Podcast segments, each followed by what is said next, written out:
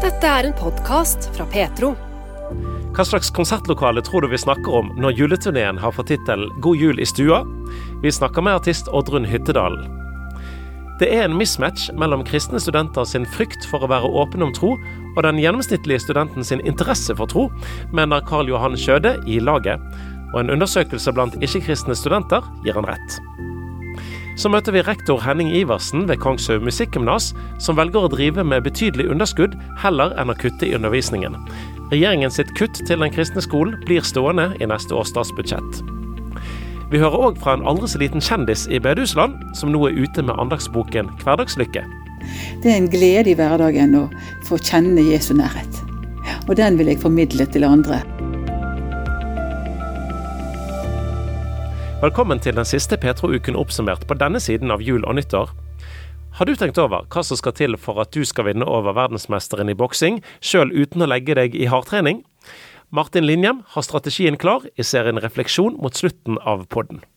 Men nå skal vi møte Oddrun Hyttedal, som ikke bare lanserer to julesanger nå i desember. Hun er òg altså ute på juleturné, der hun besøker private hjem og har intimkonserter. Dermed så er det en ganske fullpakket kalender denne måneden. Litt travelt, men også veldig, veldig hyggelig. Vi, jeg har sammen med Unn Miriam Gressli så har jeg eh, en eh, juleturné som vi kaller for God jul i stua. Så vi er rett og slett rundt i private stuer og har eh, konserter.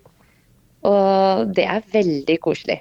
Da blir det både gløgg og kaker og musikk. Og også en kunstner som er med innimellom, Pernille Rossfjord. Så mulighet for å kjøpe keramikkgaver hvis man mangler noen julegaver. Men det å være så tett på, på de du spiller for og synger for, eh, hvordan er det? Det er jo litt uh, utfordrende på én måte, for du, du, er som du sier veldig tett på. Men samtidig veldig, veldig fint, for man får eh, muligheten til å på en måte bli litt kjent med publikummet. Og, og det syns jeg er veldig hyggelig. Du er en erfaren artist. Du kom ut med juleplata tilbake i 2004. Like før heter den. Nå er det to mm. nye julesanger du er ute med. Eh, hva er det som gjør at det hadde gått eh, nesten 20 år eh, siden forrige juleplate? Oi, jeg er det så lenge, ja. Det hørtes skremmende ut. Men nei, jeg har jo gitt ut annen musikk i, i mellomtiden. Eh, og så er det litt sånn at uh, før, i hvert fall når man produserte CD-er fysisk og sånne ting, så skulle man gjerne ha et helt album. Og så har jeg liksom skrevet en julesang eller to litt sånn opp igjennom, um, men ikke følt at jeg har hatt nok til et album. Um, så du skal ikke se bort fra at det kanskje kommer et album om ikke sånn kjempelenge, hvor jeg samler disse julesangene jeg har skrevet uh, ja, opp gjennom tidene, da. Men de som ko kommer nå, eller som den første har kommet, det ble lys. De er eh, ferske julesanger som er skrevet nå i siste året. Ja, for det ble lys, og det har jeg jo virkelig merka. Jeg vet ikke hvordan du bor i Drammen, men jeg bor ut forbi Bergen. Og, og jeg syns folk har pynta med lys ute mer nå enn noen gang. eh, det med lys og, og denne høgtida vi nå er inne i, og denne tida vi er inne i, det, det er viktig for oss? Ja, jeg tror det er viktig for alle, uavhengig av tro og, og tilhørighet sånn sett. Um, og så er vi jo i en fysisk mørk tid eh, her i nord, eh, hvor eh, lys gjør oss godt. da. Eh, også sånn fysisk når man eh, pynter. Jeg tror kanskje det er det som gjør at eh, folk har tenkt mer sesonglys enn bare julelys. Jeg hører i hvert fall folk sier det. Men det, um, den sangen din, 'Det ble lys', hva, hva, lys er det du synger om? Jeg synger eh, om det lyset som ble gitt oss eh, den aller første jula. Og om Jesus som kom som verdens lys. Og et lys for hvert menneske. Og som han ønsker skal få lov til å brenne i hjertene våre. Oddrun Hyttedal er òg engasjert i menigheten Filadelfia-kirken i Drammen. De arrangerer utdeling av mat gjennom noe som kalles Evas matkasse. Og de har òg arrangert grøtfest for familier som sliter økonomisk. Det er veldig fint. Det blir jo på en helt annen måte. Eh, og eh, nå så er det 90 ukrainere eh, som kommer. Vi var vel en 300-400 mennesker. Eh, Halvard Hasseløy er eh, jo i vår menighet, og han var til stede og fikk oversatt en del til russisk.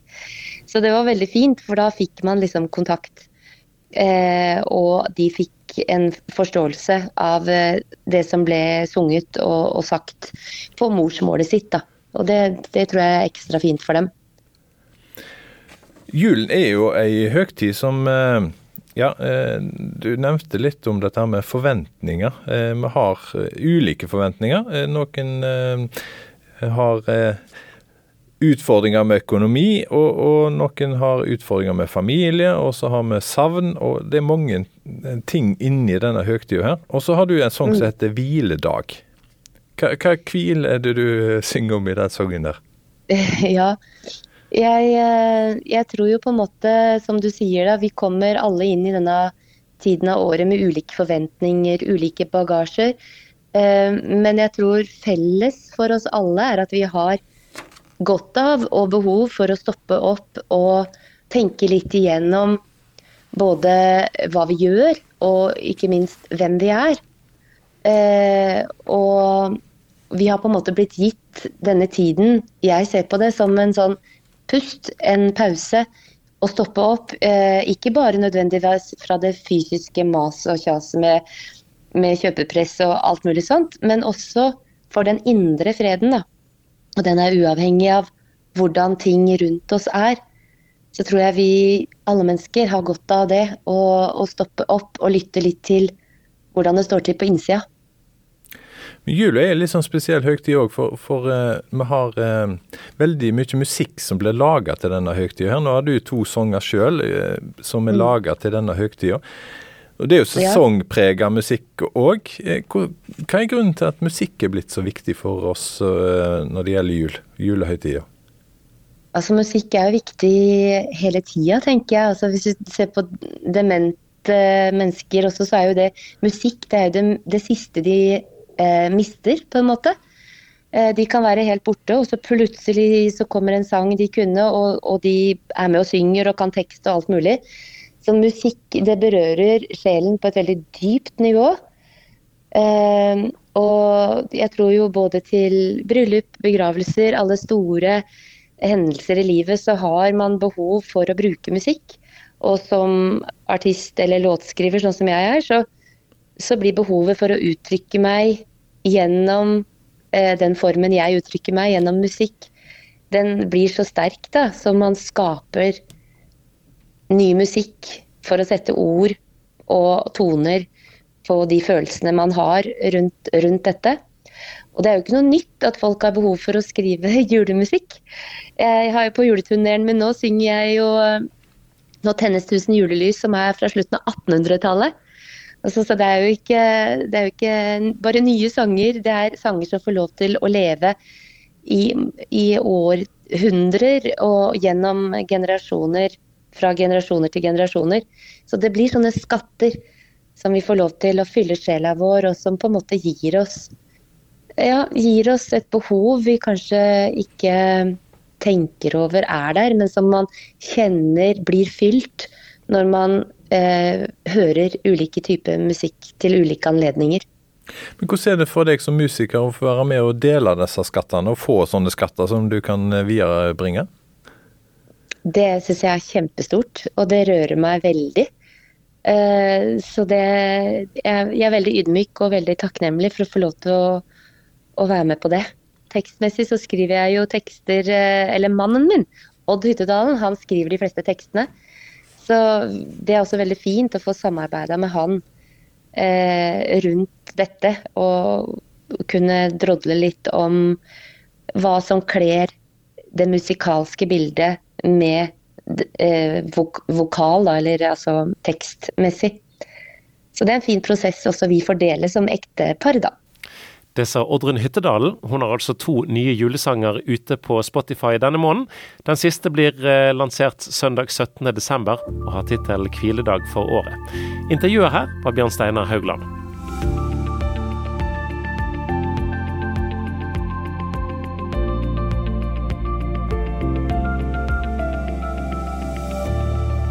Utdanning og statsstøtte Det er våre neste stikkord, for regjeringens kutt til Kongshaug musikkgymnas blir opprettholdt i statsbudsjettet, selv om budsjettpartner SV egentlig ønsket å gjeninnføre støtten. Dermed mangler skolen rundt 4,5 millioner kroner som skulle ha gått til å gi soloundervisning til musikkelevene, i tråd med krav i fagplanen. Kongshaug musikkgymnas er en privat videregående skole ved Os sør for Bergen, med 120 elever fra hele landet. Rektor Henning Iversen er skuffet, men ikke overrasket over utfallet av statsbudsjettforhandlingene. Ja, vi blir jo skuffet, selvfølgelig. Men vi har, eh, vi har ikke hatt sånn kjempestore forhåpninger ut ifra de signalene som har kommet. For vi har jo ikke fått noen signaler sentralt om at de har lyttet til de innspillene som har kommet. da. Så eh, vi var forberedt på at det ikke ville komme noe. Eh, og spesielt når ikke vi hørte noen ting om det underveis i forhandlingene som var. Kongshaug musikkgymnas er en internatskole eid og drevet av Misjonssambandet. I likhet med andre private skoler gir staten støtte per elev tilsvarende 85% av det offentlige skoler får. De fleste videregående skoler som tilbyr musikklinje, har òg andre kreative linjer som dans og drama. Tilskuddsordningen for denne kategorien skoler er derfor basert på snittkostnaden for en elev på tvers av disse tre linjetypene. Mens på Kongshaug så har vi kun musikklinje. Det, det eneste vi driver med, det er musikk så er det mye enetimeundervisning i forskjellige instrumenter. Sang og gitar og piano osv. Og, og Derfor så kommer vi veldig dårlig ut av en sånn gjennomsnittssats. Ja, For det er masse enklere å ha gruppeundervisning eh, på en dramalinje enn, enn med soloinstrumenter? Ja. Sant? Eh, det er ikke så lett å sette opp eh, seks-sju pianoer i et rom og så ha pianoundervisning, f.eks. så det er rett og slett sånne ting det, det koker ned til? At, at, skal du lære deg et instrument, så trenger du å ha en lærer som viser deg og bare deg? Ja, det er egentlig det. Og så har jo vi sant? Vi har jo små, mindre grupper. Sant? Vi har enetimer, vi har mindre grupper, og vi har større grupper i undervisning. da. Siden tusenårsskiftet har Kongshaug musikkgymnas derfor fått et særtilskudd over statsbudsjettet, som i 2022 var på knappe 4,5 millioner kroner for å gi soloundervisning. Fra starten av inneværende skoleår kuttet regjeringen dette ekstratilskuddet. Tross politisk støtte fra lokale arbeiderpartipolitikere, fra et bredt tverrpolitisk flertall i fylkestinget i Vestland fylke og fra regjeringens budsjettpartner SV, blir kuttet likevel stående i budsjettet for neste år. Nei, Det betyr jo eh, at vi får det veldig mye trangere økonomisk, og at vi kommer til å drive med betydelige underskudd. For vi ønsker å opprettholde den eh, aktiviteten som vi har i undervisningen. Vi har i utgangspunktet eh, god likviditet på skolen. Men vi har ikke noe fond vi kan ta penger fra, eller vi har ikke sparepenger som vi kan bruke. Så, så det blir underskudd på budsjettet vårt, eh, og vi kommer til å, å få eh, høyere lån eh, så lenge vi gjør det på den måten. Ja, Det betyr jo at en kanskje fortsetter med, med den løsningen i det uendelige? Ikke i det uendelige, nei. Det er helt rett. Men samtidig så er vi der nå at vi har kun ett fokus, og det er at Kongshaug skal bestå. Eh, og vi er mer opptatt av at vi skal få flest mulig elever, enn å tenke på eh, langt fram i tid. Vi jobber jo med saken kontinuerlig, både politisk, men også eh, at vi ser på muligheter for å spare inn på ulike steder, da, uten at det skal gå utover kvaliteten på det vi driver med. Hva, hva, kan det bety? sånn... Uh, Nei, altså... Uh, hvor er det mulig å knipe, på en måte? Ja, altså, Hvis vi skal knipe, så må jo det være på, på undervisningen spesielt. Sant? Det er jo sånn at i et budsjett så er lønningene det som spiser stort sett 85-90% av pengene. Så det vil jo være der eventuelt. da, At vi ser på enda lurere måter å, å drive med instrumentundervisning på. Og så er det jo òg å eh, f.eks. øke givertjeneste og sånne ting. Som vi eh, også er inne på å, eh, å gjøre, da. Du nevnte at dette tilskuddet det var på en måte egentlig en sånn gjennomsnittsberegning for, for musikk, dans, drama. Har dere vurdert å, å bli en musikk, dans, dramaskole, ikke bare ha musikk? Vi har snakket om det. Det har vi. Vi ønsker, ønsker ikke å gjøre det sånn umiddelbart, men det er jo en mulighet. Eh, som vi må, må, sjekke opp i. da. Men eh, vi har et veldig stort håp om at vi i løpet av ikke så altfor lang tid at vi skal klare å endre dette her, og at vi skal få tilbake igjen det ene time Vi kaller det for enetimetilskudd, da. Mm. Det som ja, i statsbudsjettet ble... heter særtilskudd. Ja. For du, du, ble sitert på i avisen Dagen her eh, for en måned to siden at en, eh, en biter tennene sammen i økonomisk ja. forstand og, og håper på et regjeringsskifte? Ja, det gjør vi. Eh, det er nå eh, om to år i tilfelle at vi kan håpe på et regjeringsskifte. Og sånn som det politiske landskapet ser ut nå, så er jo ikke det en, eh, en utopi at det kan skje. Og vi har veldig god, god, dialog med opposisjonspartiene i denne saken her. Så det er flere av de partiene som har oss med i sitt alternative statsbudsjett. Men, når regjeringens signaler er så tydelige som de er, at her kommer det ingenting, og og eh, i budsjettforhandlingene med SV så kom det heller ingenting ekstra. Så signalene er jo veldig tydelige. Er ikke det da litt uansvarlig å legge opp til en drift med millionunderskudd? Nei, vi har, eh, vi har eh, Misjonssambandet i ryggen, som eier skolen. Og vi driver ikke uansvarlig. Vi har et forholdsvis lavt låneopptak per i dag. Så dette har vi gjennomdiskutert i styret. Og vi har også en dialog med organisasjonen sentralt. da. Så vi gjør ingenting overilt eller noe uansvarlig. Eh, Kongshaug er gullet vårt, eh, og det skal vi ta vare på. Og det er verdt å, å få et høyere låneopptak, eh, sånn at vi skal komme oss igjennom disse vanskelige tidene. Da. Og samtidig så jobber vi parallelt politisk hele tiden, egentlig. Og altså I forhold til signaler og sånt, så eh, er det veldig mange på Stortinget. Både politikere som sitter på Stortinget og som sitter i posisjon, eh, og andre politikere som ser at, eh, at dette er fornuftig. Det er fornuftig at Kongsø får dette tilbake. Men så langt så har ikke det vært politisk vilje lenger oppe i systemet, sånn som jeg har oppfattet situasjonen. Det handler jo først og fremst, tror jeg, om at det er Kunnskapsdepartementet som i utgangspunktet kuttet det, det tilskuddet. da. Men Dersom det ikke skulle bli et regjeringsskifte om to år, eh, er det sånn at, at eh, Kongshaug står og faller med det, eller? Nei, det gjør det ikke. Men da må jo vi finne en måte å, å drive bærekraftig. Det er jo vi nødt til. Mm. Men du er altså, Jeg senser en viss optimisme her i forhold til å jobbe politisk fremdeles? Ja da. Vi gir oss ikke der. Det gjør vi ikke, selv om det, ting tar tid, og, både tid og krefter. Så Noen ganger har jeg tenkt at eh, nå har jeg snakket med så mange politikere at det kanskje skal bli sånn eh, influenser på Stortinget. Eller hva er det det heter? De som, eh, disse her som går i korridorene. Ja, lobbyist. Og, lobbyist, ja. sant? Uh, nei da, det, det, er bare en spøk. Men, uh, men uh, har fått mye kunnskap og lært mye av det.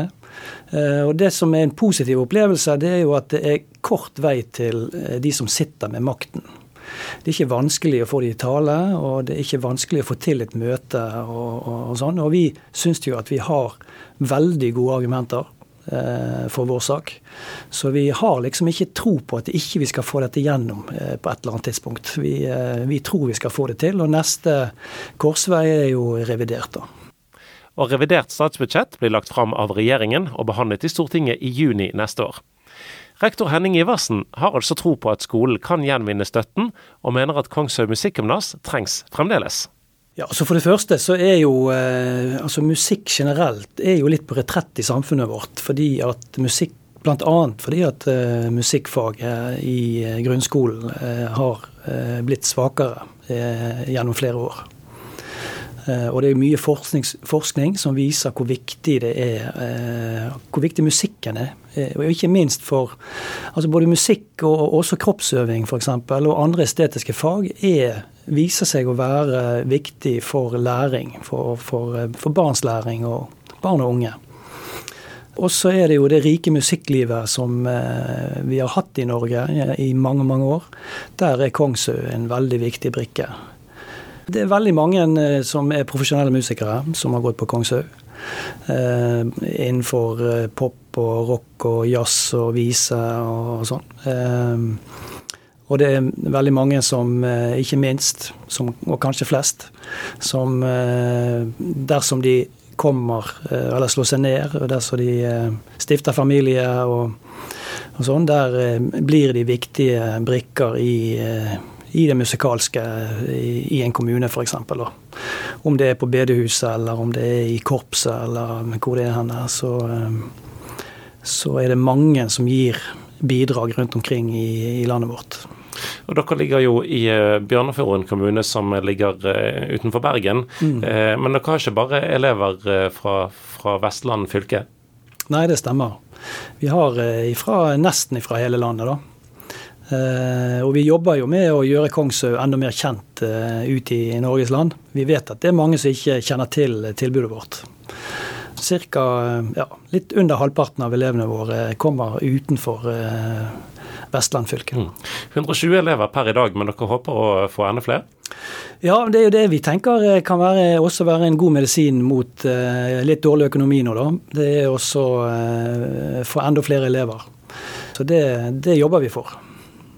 Så er det jo altså eh, adventstid nå. Eh, jeg vet at det er en ganske aktiv eh, periode sånn i forhold til konserter og at Kongshaug-elever kommer seg ut og viser hva de har lært? Ja, absolutt. Innimellom tentamener og sånn, så er det mye øving. Så vi skal ha flere julekonserter, både for skoler.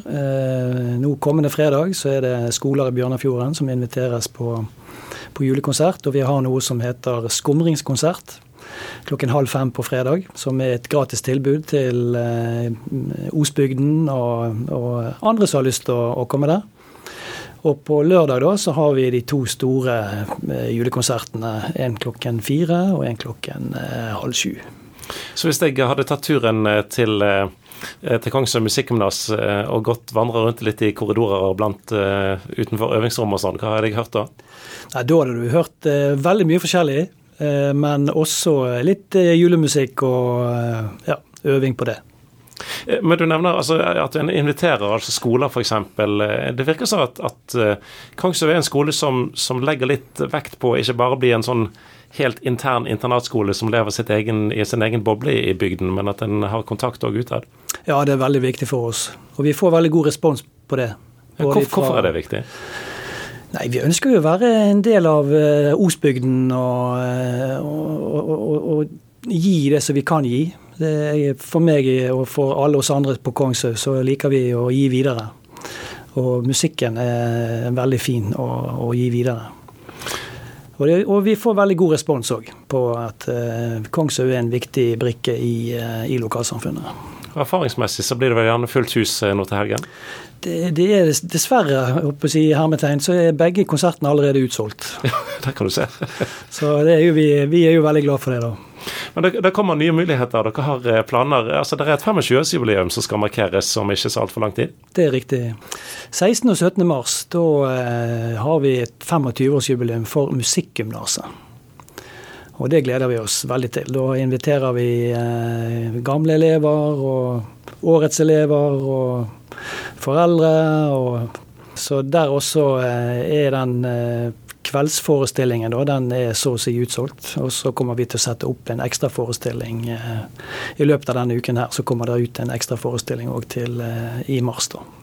Og For de som nå har lest om Kongsøy Musikkgymnas i avisen eller hørt om dere på radioen, eller et eller annet, så er det òg muligheter for å stikke innom på åpen dag? Ja, det stemmer. Så 2. februar da eh, har vi åpen dag for eh, først og fremst for potensielle søkere. da. Så eh, hvis det er noen ungdommer der ute som kan tenke seg å se hva Kongsøy er for noe, så er de hjertelig velkommen opp til oss den 2. februar. Ja, Apropos søkere, er dere spent på, på søkningen fremover? Med tanke på at du sa dere ønsker flere elever. og, og den omtalen som vi nå har fått, er jo gjerne ikke nødvendigvis positiv i forhold til rekruttering? Nei, sant. det er vi selvfølgelig spent på. Eh, så Derfor er det viktig for oss å være tydelige på at eh, Kongshaug eh, skal bestå, og vi tar imot nye elever. Så vi er optimistiske. Vi har hatt full skole nå i, mange år. Så håper at vi skal fortsette med det. Takk for at du lytter til denne podkasten fra Petro. Liker du det du hører, setter vi pris på om du tipser andre om radiosendinger og podkaster fra Petro.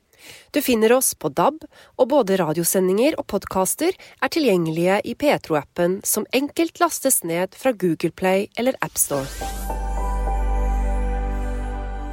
Hva er de mest vanlige grunnene for studenter ved norske universiteter og høyskoler til å avvise troen på Gud?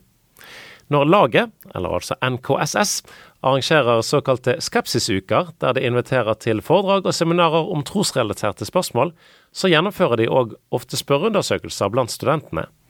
Noen resultater fra årets undersøkelser ble publisert denne uken, og Karl Johan Kjøde han er generalsekretær i laget. Troen på vitenskap eh, et slags eh, motsetningsforhold til kristen tro, eller troa på Gud. Den har vært på topp tre år på rad. Mangel på bevis, eh, konflikthypoteser mellom vitenskap og tro. at det er, det er en veldig vanlig måte å liksom avvise og bare avfeie det hele på, uten at folk nødvendigvis har jobba så mye med materialet. Det er vel gjerne et stikkord for, for det som laget vil. Dere vil vel gjerne at folk skal bli utfordret og måtte tenke gjennom disse tingene? Ja, vi ønsker jo å utfordre folk til det, liksom, å tenke de store tankene og jobbe med de store spørsmålene. Og det er jo det vi tenker at folk er på universitetet for å gjøre. Uh, og Derfor en har X-Field, er derfor en brynes på ulike meninger og meningsmotstandere.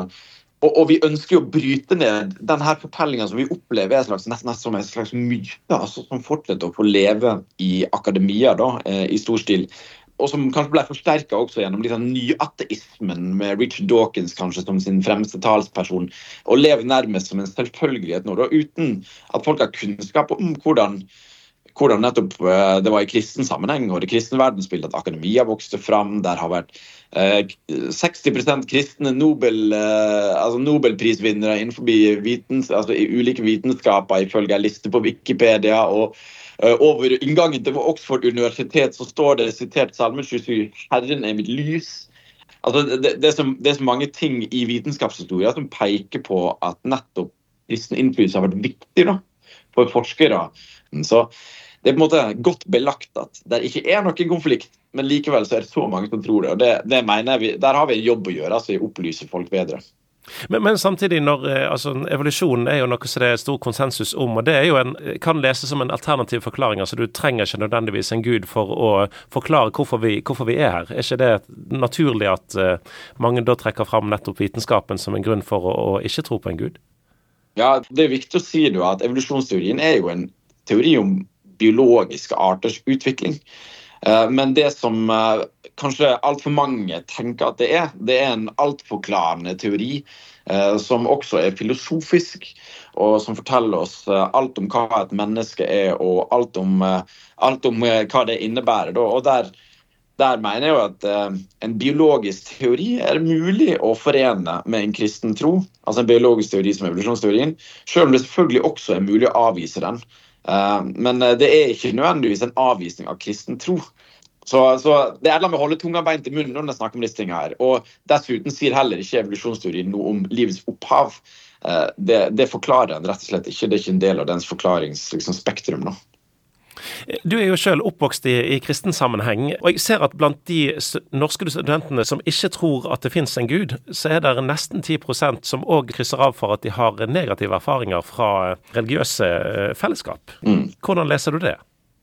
Det er jo bare til å det kan jo være så mangt. Vi mennesker, vi mennesker er i stand til å såre hverandre innenfor kirka så vel som utenfor kirka. Og en del kristne fellesskap har ikke nødvendigvis hatt en sånn måte å snakke om nysgjerrighet på og vitenskap på, da, eksempel, som har vært åpen, og som har liksom inspirert folk til å gå ut og oppdage og være nysgjerrig og komme tilbake til oss og snakke om det du har funnet. Vi er så spent på å høre mer uh, enn en har kanskje snakka mer i noen sammenhenger som om det er farlig der ute, det er vanskelig der ute. Og, og når folk da kommer ut i den store vide verden og oppdager at den er faktisk ganske spennende, mange hyggelige folk. og så blir på en måte spådommen gjort til skamme. Da. Så Det er jo leit at folk brenner seg på den type fellesskap som skal jo bære verdens beste nyheter med seg, men eh, jeg har også erfart at det er tilfellet. altså.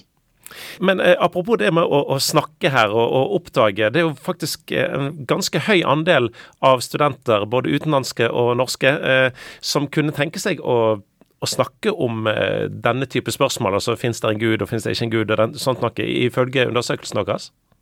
Mm. Ja, og det syns jeg er verdt å bite seg merke i. at eh, For det første så sier studentene at de uh, ja, de gir en ganske lav score på i hva grad de opplever det åpenhet for å snakke om tro blant medstudenter. Og i mange av disse muntlige samtalene som jo foregår ved at uh, en person får en henvendelse fra en som grunn med en iPad, vil du svare på en undersøkelse?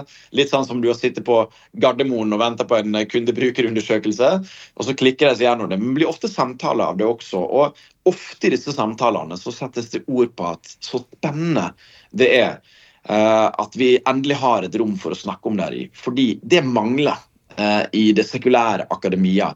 En nysgjerrighet og åpenhet for trossamtaler. Og jeg er jo veldig gledelig overraska over at så mye som to tredjedeler av alle som svarer her, sier ja eller kanskje til om de ville vært interessert i et fellesskap for å snakke om samtidsspørsmål. spørsmål. tenker at det, det, peker på at det er et det er et stort behov og en stor lengsel etter det som kristne i hvert fall ikke trenger å være redd for å utfordre folk til å ta del i.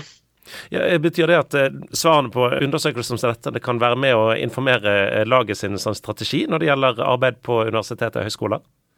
Ja, altså Svaret på undersøkelsen eh, viser meg i hvert fall at det er en stor mismatch da, mellom oss som kristne og kristne studenter. Litt sånn frykt for å åpne om tro og den gjennomsnittlige students interesse for tro. For faktisk så er de fleste studenter veldig åpne og interessert i det. Men de fleste kristne studenter ser ut til å gå rundt og være redd for å dele det. Så her er det egentlig bare til å komme seg opp på hesten og begynne å snakke sant og åpent om det en tror på. For det er ikke så farlig. Det, det er faktisk ganske interessant. Så kommer det altså en uh, ny undersøkelse som uh, dere òg uh, jobber med å, å gjøre analyse på i januar, om, som handler om de kristne studentene og hvordan de tenker rundt tro og trospraksiser og tro i studietilværelsen. Hvorfor bruker dere tid og energi på å gjøre undersøkelser som både den vi har snakket om her og den som presenteres over nyttår? Vi ønsker å ta informerte valg eh, om hva vi skal jobbe med. og Da er det lett å sitte og anta og mene og føle noe, men eh, det har ofte en begrensa verdi. For det er knytta kanskje til enkeltpersonens erfaringer, og så kan kanskje andre egentlig trekk peke på helt andre typer trender. Da. Så for vår del så er det viktig for oss å vite noe om studenter, da, som er vår primære målgruppe i laget. Hva er det de kristne studentene tenker? Eh, hvordan opplever de det eh, å ha en kristen tro i studielivet? Hvordan opplever de det å skulle være åpne om det, sånn at vi også kan gå inn og møte dem i deres utfordringer. Så nå er jeg jo spent på om den forskningsgruppa som jobber med analyse av den dataen, da, Um, om de har funnet ut at det har vært f.eks. bevegelser da, siden sist undersøkelse som ble gjort i 2019. Og jeg er også spent på å finne ut om uh, om hvordan den kristne studenten har det på studiestedet. Vi har bl.a. nå spurt om, uh, om folk opplever mye nedsettende omtale av kristendom, enten fra forelesere eller medstudenter. og Jeg er veldig spent på å finne ut hva funnet av det er. Og 19.1 presenterer altså laget en ny og oppdatert forskningsrapport på hvordan kristne studenter spesifikt ser på tro i relasjon til studietilværelsen. Mer om hvorfor ikke-kristne studenter avviser Gud finner du på nkss.no. Og Karl Johan Kjøde han er altså generalsekretær i laget, eller Norges kristelige student- og skoleungdomslag, som det formelt sett heter.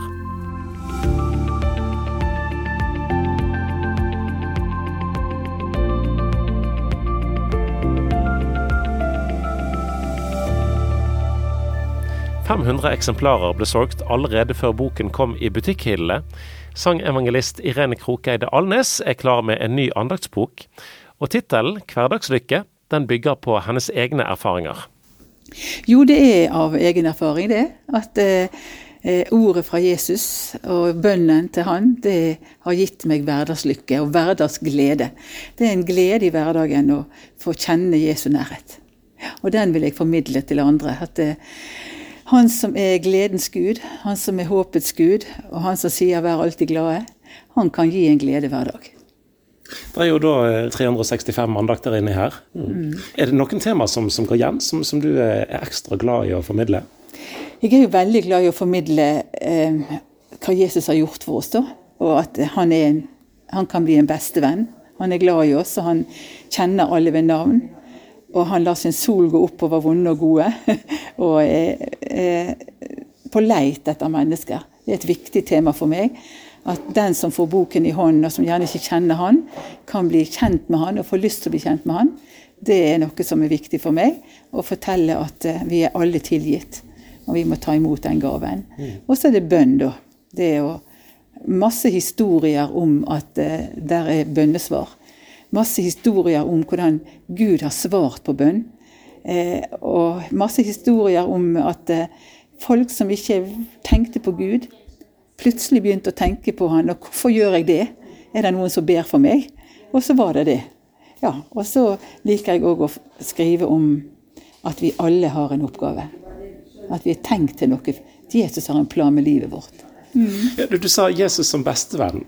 Kan du fortelle litt hvordan det ser ut for din del? Altså, Hva betyr det når du bruker det ordet? Eh, det betyr at eh, han er trofast. Altså hans løfter, det han sier i ordet sitt, det holder.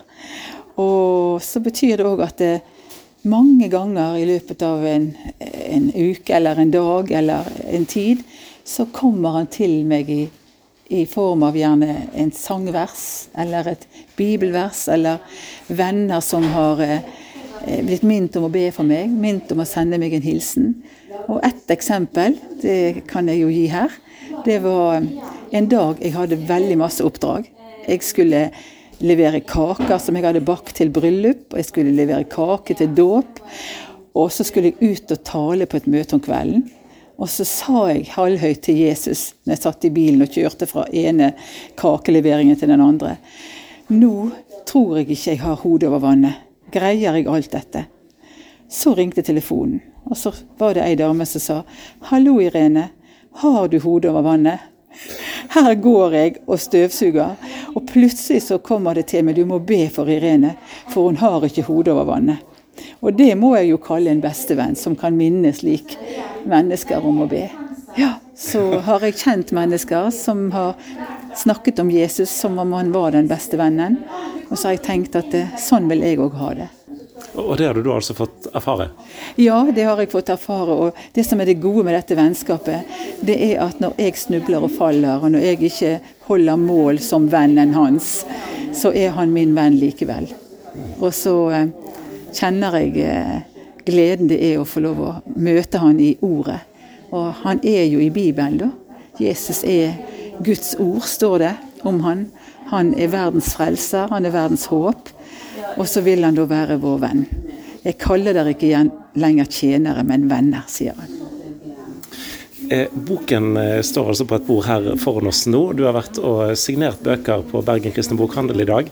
Eh, jeg forsto at i dag er første gangen du har sett boken fysisk? Ja, det er faktisk det. Klokken ni i dag tidlig, da tok jeg boken og så på den.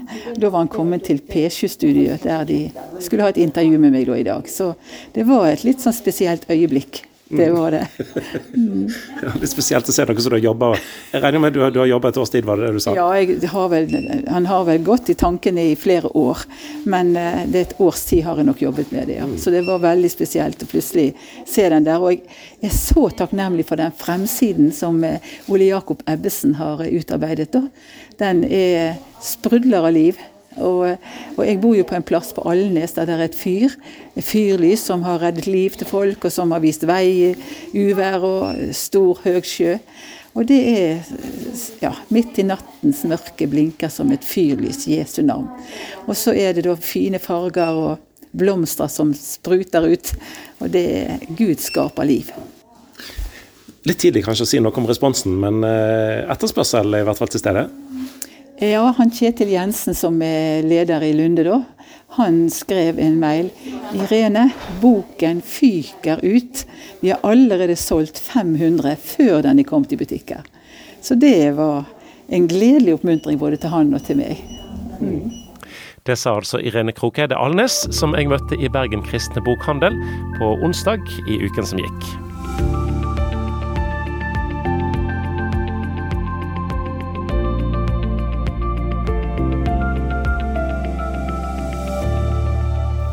...170 samlinger i adventstid har det blitt for Johan Halsne de siste 18 årene. Til daglig er han kretsleder i Indremisjonsforbundet på Sunnmøre. Og det som startet under tittel Bedehusets julekalender i Rogaland i 2005, har de siste årene fått navnet Stjernedryss i adventstid.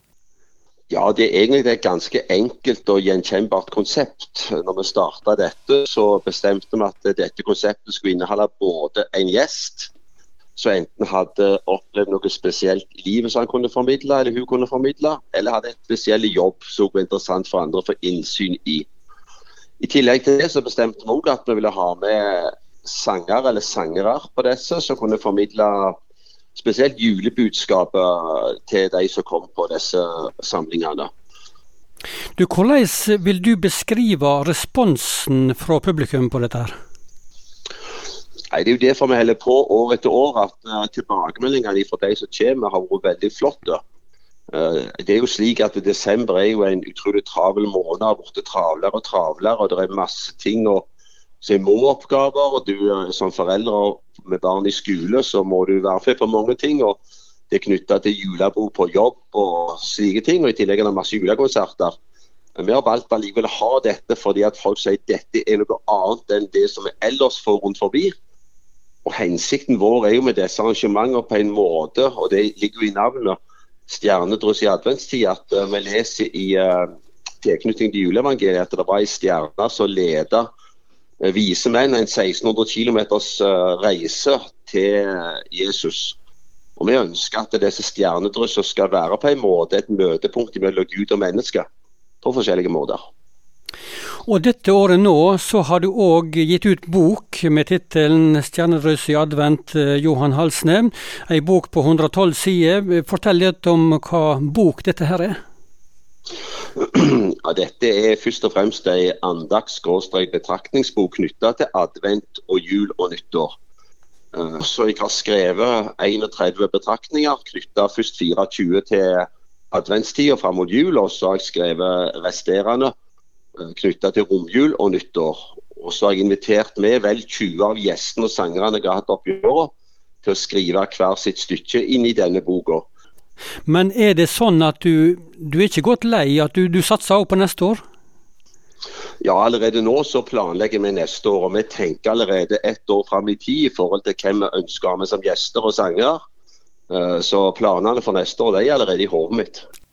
Johan Halsne er altså eh, ansatt i Indremisjonsforbundet på Sunnmøre, og leder òg altså Stjernedryss i advent, som har hatt 170 samlinger i løpet av eh, de siste 18 årene. Reporter her var Inge Kallestad.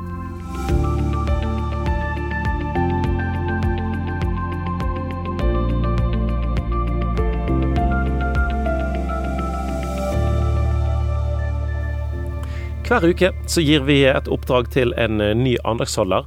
Les gjennom bibeltekstene som Den norske kirke skal bruke i eh, sin gudstjeneste kommende søndag, og del eh, dine refleksjoner med oss.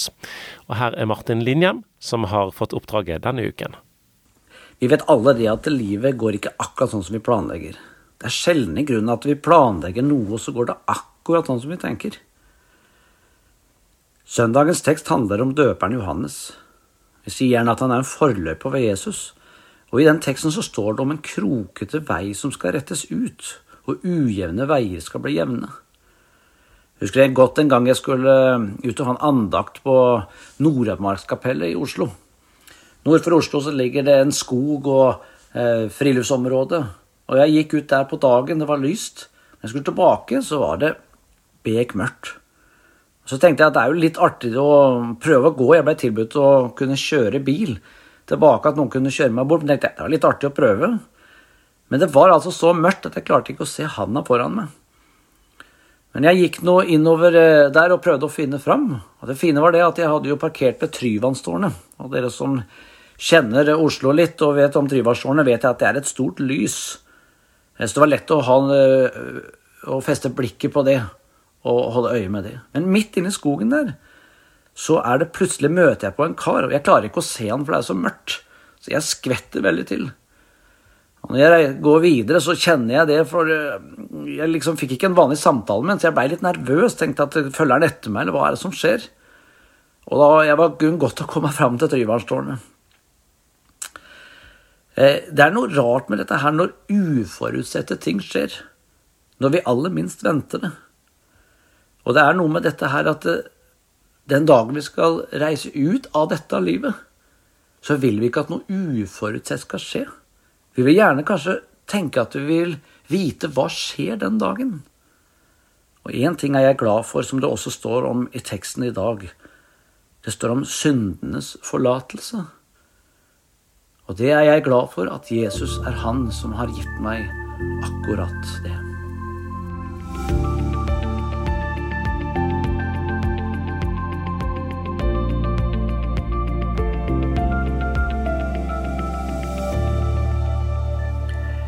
I søndagens tekst så står det noe om forventning.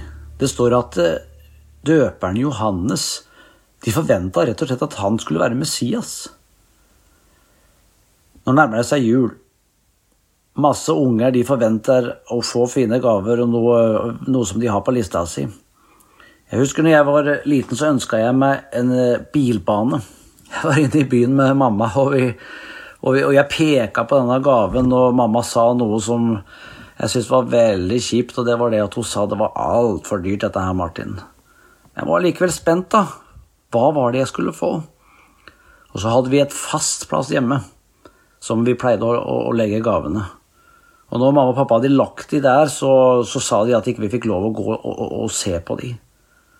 Men en dag når de var borte, så gikk jeg og kikka likevel. Og jeg leita jo etter gaven der det stod 'til Martin' fra mamma og pappa. Jeg var mest spent på den.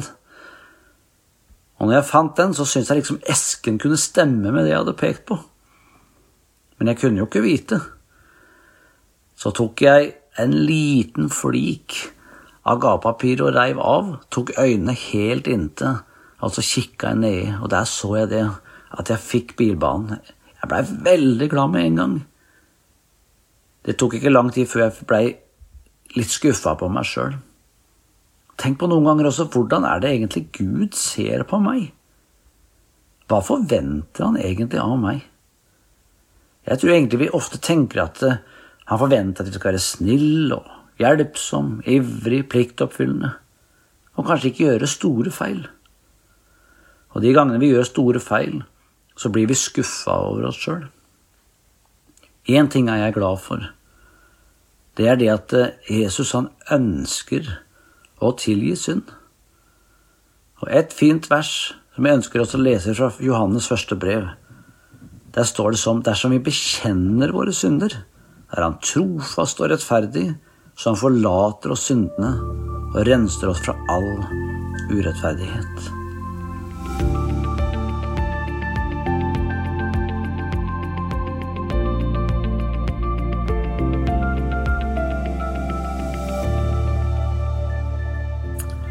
I Bibelen står det om Johannes døperen at han sier 'det kommer en som er sterkere enn jeg'.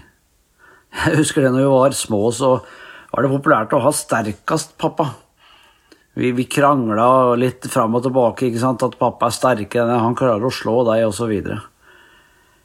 Nå skal jeg i voksen alder komme med en kanskje litt sånn vill påstand. Og det er det at jeg skal greie å vinne over verdensmesteren i boksing. Når du hører det, så tenker du sikkert fort det at uh, å, han må da ha veldig selvtillit eller et eller annet sånt som dette her. Men uh, egentlig tenker jeg det Jeg skal bare ha en forutsetning. Og det er at jeg skal bestemme næringsinntaket for både denne verdensmesteren i boksing og meg de siste 14 dagene. Og nå er jeg litt konkurransemenneske, så jeg tror kanskje at denne bokseren ikke hadde fått så veldig mye mat hvis jeg skulle bestemt og kanskje bitte litt drikke, men ikke så mye. Og på kampdagen så ville denne verdensmesteren han ville slite kanskje til og med nesten med å stå oppreist. Og hvorfor det? Jo, fordi han hadde lite næring, og mista alle krefter på grunn av det. En gang Jesus var frista, selv så sier han det at mennesket lever ikke av brød alene, men av hvert ord som går ut av Guds munn. Det er i grunnen en underlig setning. Eh, og eh, hva er det som menes? Jeg tenker det at eh, noe må være sant. Den dagen vi skal reise ut av denne verden, den dagen jeg skal ut av denne verden, så må noe stemme. Det kan ikke være sant alt det man hører samtidig. Vi lever i en verden der mye er relativt, og vi, vi, det er litt lite håndgripelig om det finnes noe som er sant i seg sjøl. Men Jesus sier at 'jeg er veien, sannheten og livet'. Ingen kommer til Faderen uten med meg. Jesus, han er selve veien og er livet.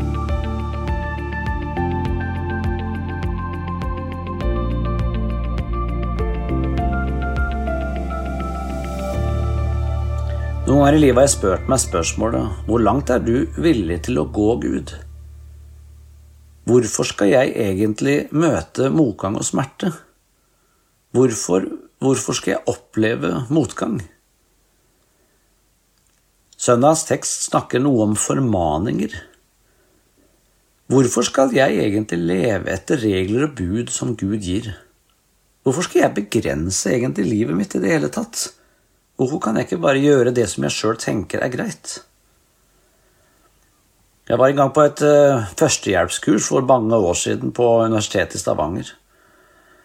Der husker jeg uh, han som hadde dette kurset, fortalte om en far og en sønn som uh, var hjemme i huset sitt.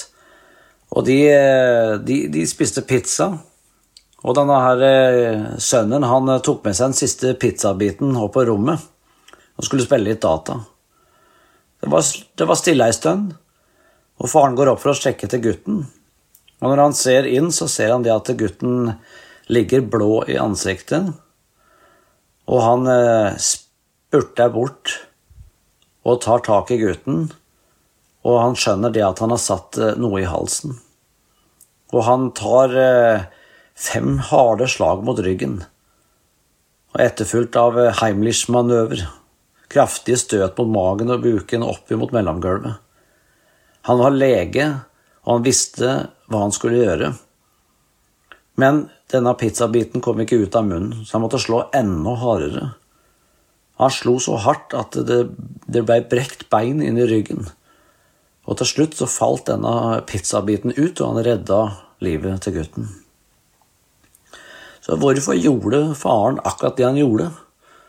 Jo, selvfølgelig for å berge gutten, for å redde livet. Gud i himmelen, han har et ønske for ditt liv, og det er at du skal bli berga. Og noen ganger så trenger vi motstand.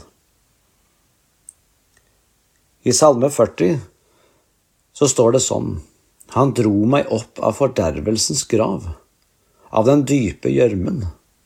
Han satte mine føtter på en klippe han gjorde mine trinn faste.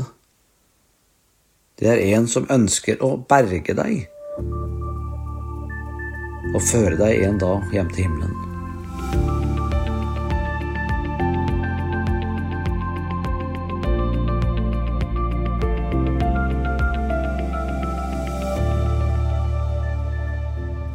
I en av lesteksten til søndagens tekst denne uka så står det om at skylden er betalt. Trøst mitt folk. Hvilken skyld er det egentlig snakk om her? En gang iblant så tenker jeg det at det har vært utrolig deilig å bli kvitt den gjelda som jeg har i banken. Dette lånet som blir trukket hver eneste måned fra lønna. For mange år siden så var det en kar som het Max oppe i Trøndelag. Han drev en landhandel, og inni en landhandel så hadde han bak disken liggende ei gjeldsbok. Og Det var jo for å skrive opp, skrive opp gjeld for dem som ikke hadde kontanter med seg. Og så bestemte Max seg for en litt spesiell ting. På 50-årsdagen sin så skulle han ettergi all gjeld til den første som kom inn i butikken. Og Max gleda seg litt. Hvem blir det, tru? Og den første som kom inn, det var Anders. Og han skvetter egentlig litt til, for han tenker han er den som har den desidert største gjelda her. Men han spør om det viktigste, Anders, melk og brød og noen andre ting, og spør kan jeg også få skrive det på gjeldsboka denne uka. Ja, det går greit, du skal ha betalt for lenge siden, men han skriver det ned allikevel. Han tenkte han skulle være litt lur. Og når han har gjort dette her, funnet opp på navnet Anders, skrevet disse tinga, så begynner han å stryke ut den ene sida etter den andre med gjeld, og det var mange sider. Og når Anders ser dette her, så bryter han rett og slett ut og sier, driver du og tuller med meg? Han Max sier, jeg tuller ikke, jeg lovte det at den første som kom inn i min butikk på 50-årsdagen min, skulle jeg ta og ettergi all gjeld. Han trodde nesten ikke det han hørte, han Anders. Men eh, om litt så gikk det opp for han at all gjeldet hans var strøket ut. Han fikk det helt ufortjent. Han strålte opp og reiste hjem til familien sin. I Kolossebrevet i Bibelen, kapittel 2 vers 14, står det Han utslettet skyldbrevet mot oss, som var skrevet med bud, det som gikk oss imot. Det tok han bort da han naglet det til korset. Når Bibelen snakker om skyld, så snakker han om det gale som du og jeg som mennesker har gjort. Synda vår. Det som er vårt store problem. For det er slik at den som kommer inn i himmelen, er kun den som er helt ren. Og det er jo helt umulig for oss mennesker hvis vi begynner å tenke over alt det vi har gjort. Og så har Jesus sagt dette. Han har stryket ut all vår synd, alt det gale vi har gjort. Han naglet dette korset på Golgata, og vi kan få bli fri.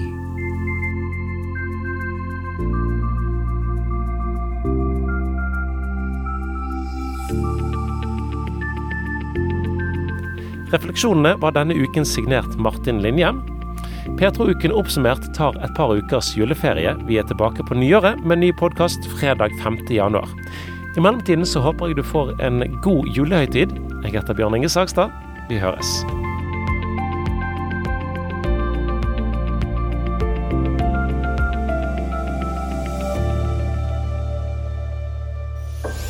Du har lyttet til en podkast fra Petro. Flere podkaster fra oss finner du bl.a. på petro.no og i Petro-appen. Der kan du også høre radiosendingene våre 24-7. Husk også at vi sender på DAB mange steder i Norge. Vi høres!